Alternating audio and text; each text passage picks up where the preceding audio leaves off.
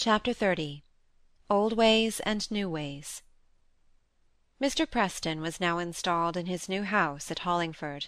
Mr. Sheepshanks having entered into dignified idleness at the house of his married daughter, who lived in the county town.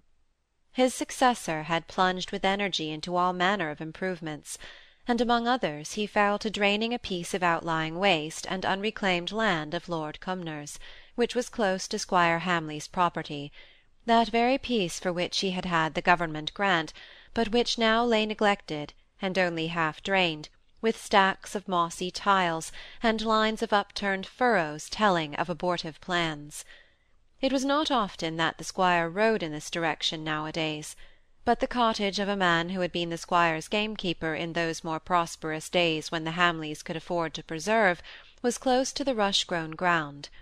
This old servant and tenant was ill, and had sent a message up to the Hall, asking to see the squire; not to reveal any secret or to say anything particular, but only from the feudal loyalty, which made it seem to the dying man as if it would be a comfort to shake the hand and look once more into the eyes of the lord and master whom he had served and whose ancestors his own forebears had served for so many generations.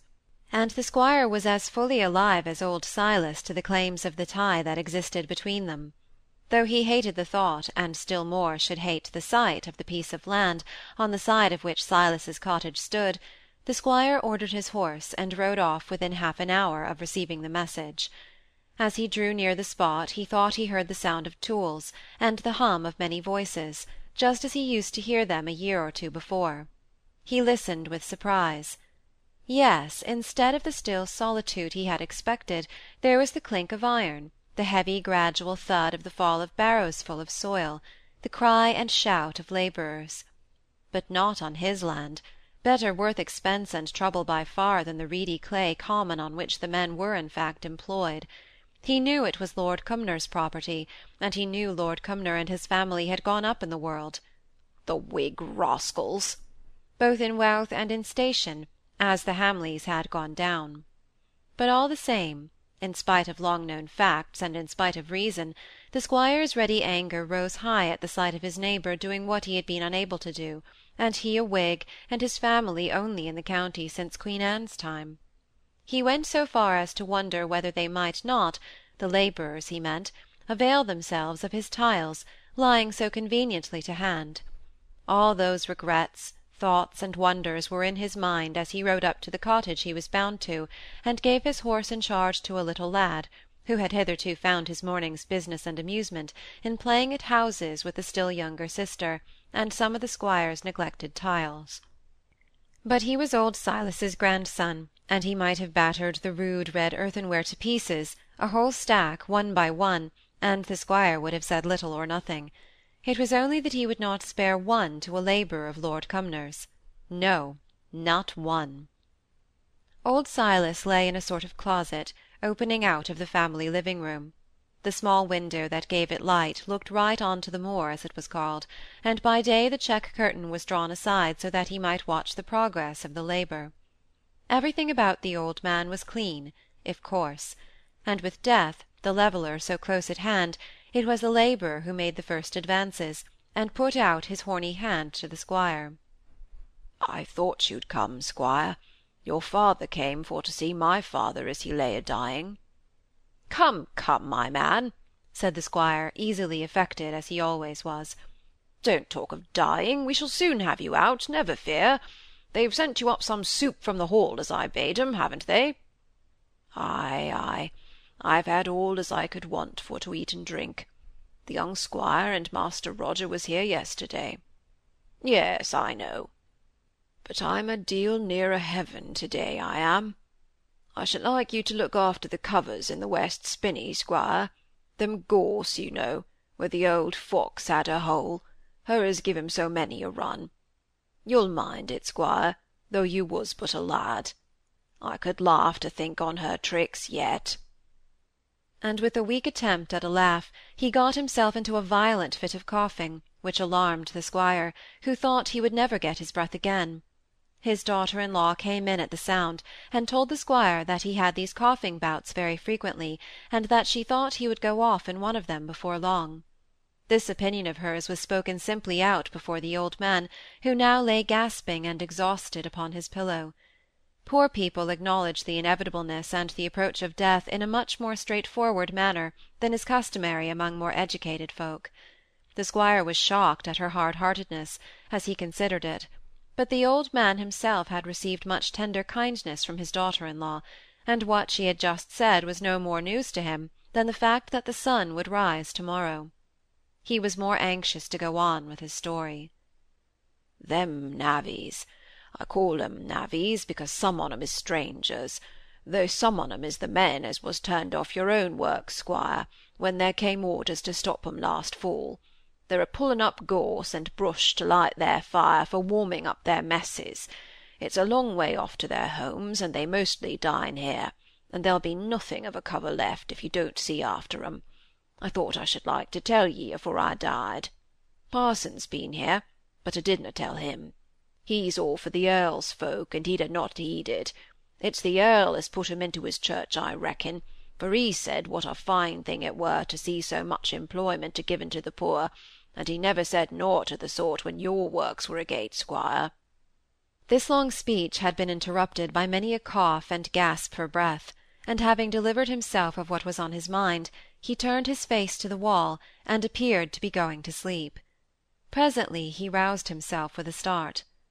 I know I flogged him well, I did, but he were after pheasants' eggs, and I didn't know he were an orphan. Lord forgive me. He's thinking on David Morton, the cripple, as used to go about trapping vermin, whispered the woman. Why, he died long ago, twenty year, I should think, replied the squire. Ay, but when grandfather goes off o' this way to sleep after a bout of talking, he seems to be dreaming on old times. He'll not waken up yet, sir. You'd best sit down if you'd like to stay," she continued, as she went into the house-place and dusted a chair with her apron. "He was very particular in bidding me wake him if he were asleep, and you or Mr. Roger was to call. Mr. Roger said he'd be coming again this morning, but he'll likely sleep an hour or more if he's let alone." "I wish I'd said good-bye. I should like to have done that." "He drops off so sudden," said the woman. But you'd be better pleased to have said it, squire. I'll waken him up a bit." "No, no," the squire called out as the woman was going to be as good as her word. "I'll come again, perhaps to-morrow, and tell him I was sorry, for I am indeed. And be sure and send to the Hall for anything you want. Mr. Roger is coming, is he? He'll bring me word how he is later on.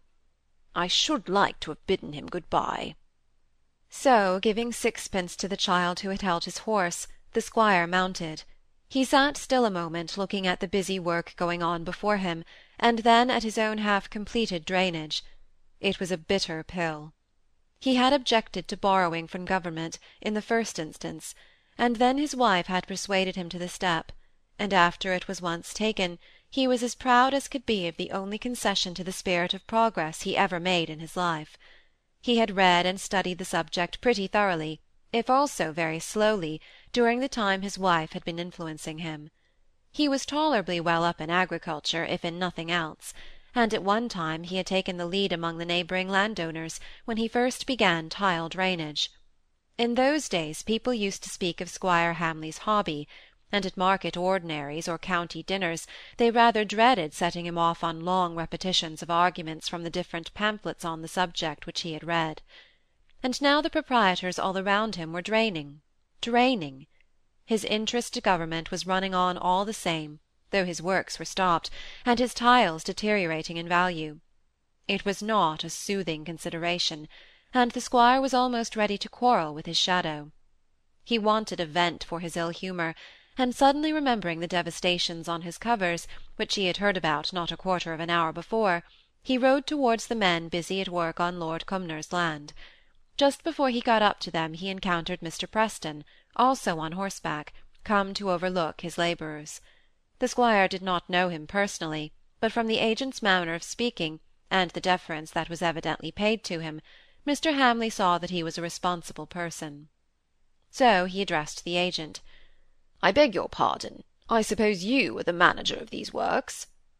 Mr. Preston replied, "Certainly. I am that and many other things besides, at your service.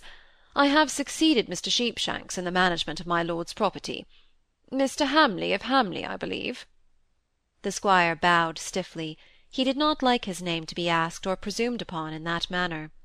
An equal might conjecture who he was or recognize him, but, till he announced himself, an inferior had no right to do more than address him respectfully as Sir. That was the squire's code of etiquette. I am Mr. Hamley of Hamley. I suppose you are as yet ignorant of the boundary of Lord Cumnor's land, and so I will inform you that my property begins at the pond yonder, just where you see the rise in the ground. I am perfectly acquainted with that fact, Mr. Hamley, said Mr. Preston, a little annoyed at the ignorance attributed to him. But may I inquire why my attention is called to it just now? The squire was beginning to boil over, but he tried to keep his temper in. The effort was very much to be respected, for it was a great one. There was something in the handsome and well-dressed agent's tone and manner inexpressibly irritating to the squire, and it was not lessened by an involuntary comparison of the capital roadster on which Mr. Preston was mounted with his own ill-groomed and aged cob. "I've been told that your men out yonder do not respect these boundaries, but you are in the habit of plucking up gorse from my covers to light their fires. It is possible they may, said Mr. Preston, lifting his eyebrows, his manner more nonchalant than his words. I dare say they think no great harm of it. However, I'll inquire. Do you doubt my word, sir? said the squire, fretting his mare until she began to dance about. I tell you I've heard it only within this last half hour. I don't mean to doubt your word, Mr. Hamley. It's the last thing I should think of doing. But you must excuse my saying that the argument which you have twice brought up for the authenticity of your statement, that you have heard it within the last half hour, is not quite so forcible as to preclude the possibility of a mistake. I wish you'd only say in plain language that you doubt my word, said the squire, clenching and slightly raising his horsewhip. I can't make out what you mean. You use so many words. Pray don't lose your temper, sir. I said I should inquire. You have not seen the men pulling up gorse yourself, or you would have named it. I surely may doubt the correctness of your information until I have made some inquiry.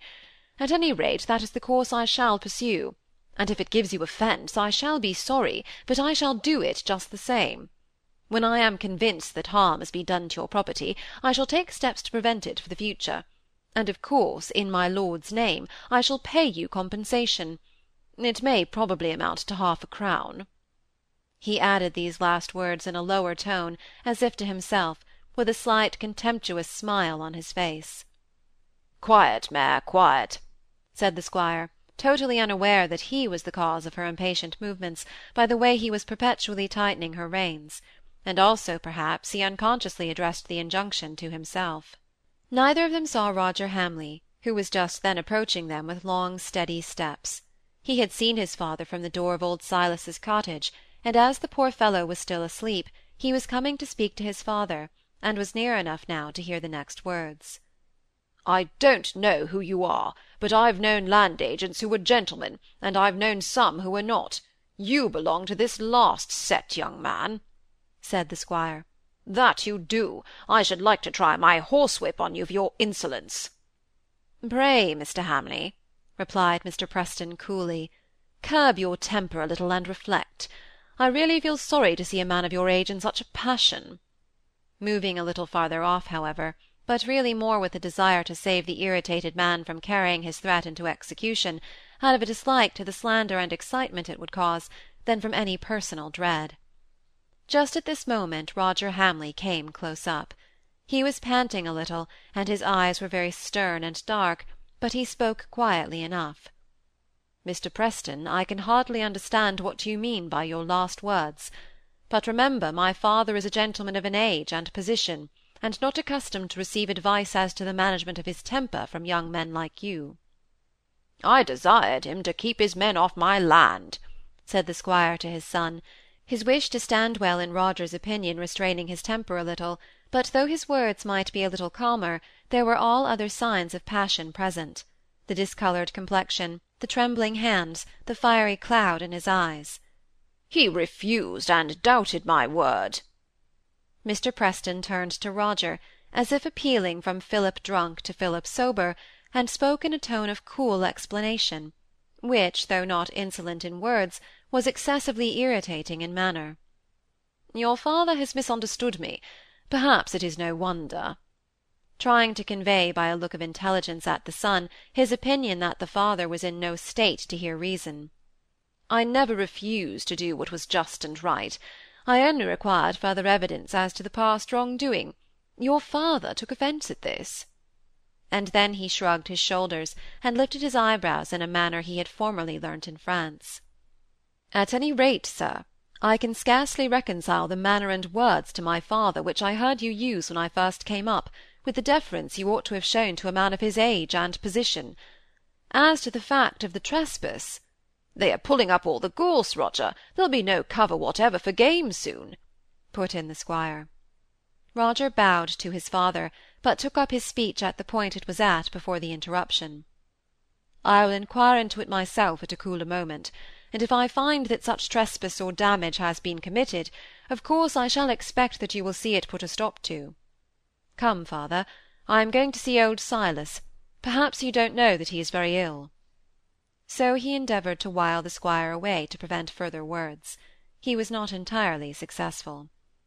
Mr. Preston was enraged by Roger's calm and dignified manner, and threw after them this parting shaft, in the shape of a loud soliloquy.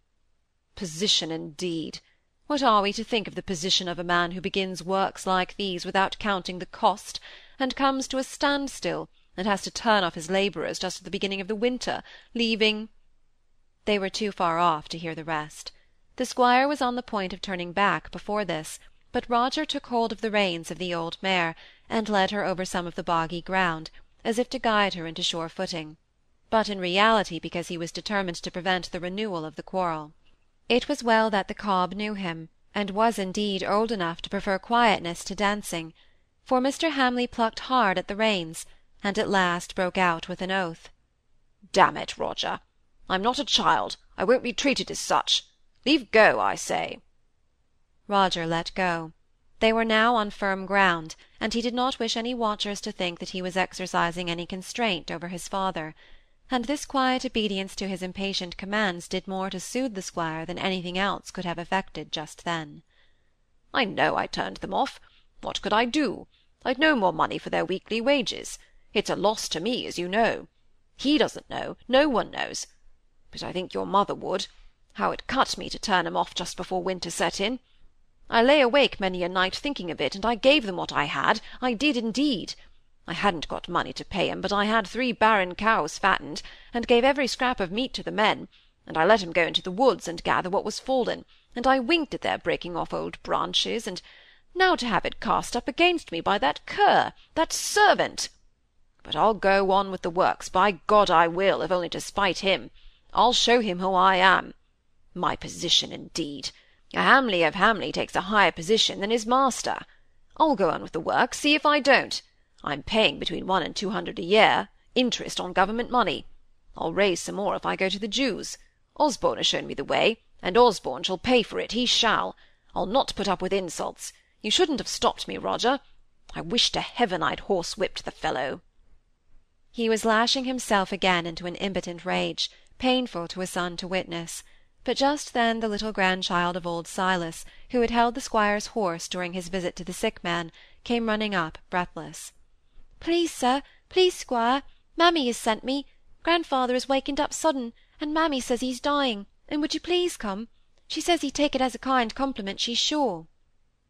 So they went to the cottage, the squire speaking never a word, but suddenly feeling as if lifted out of a whirlwind, and set down in a still and awful place.